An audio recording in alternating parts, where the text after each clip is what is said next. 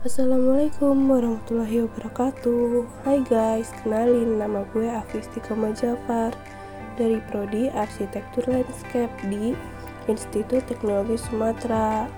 Kali ini gue mau podcast tentang rencana masa depan. Siapa nih yang belum punya rencana di masa depan? Tapi semoga udah pada punya rencana ya di masa depannya gue juga bukan tipe orang yang harus punya rencana sih. Tapi kali ini gue bakal kasih tahu kalian plan gue di jangka pendek sama di jangka panjang. Nah kalau di jangka pendek pastinya mau jadi mahasiswa yang aktif ya di kampus atau organisasi. Terus jadi orang yang lebih baik. Baiknya harus dalam segala hal jangan dalam hal-hal tertentu doang apalagi cukup baik di depan doang.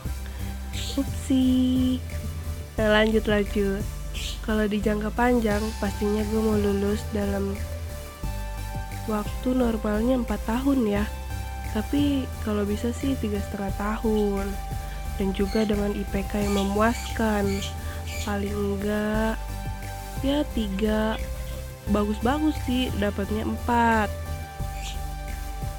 sudah jadi sarjana mungkin awal-awal gue bakal kerja sama keluarga gue sendiri di perusahaan konstruksi nanti mungkin ya. Dan juga pasti ingin berkarya yang lebih banyak lagi nantinya. Kayak gitu guys. Kayaknya udah dulu ya sampai sini. Sampai bertemu di podcast selanjutnya. Bye bye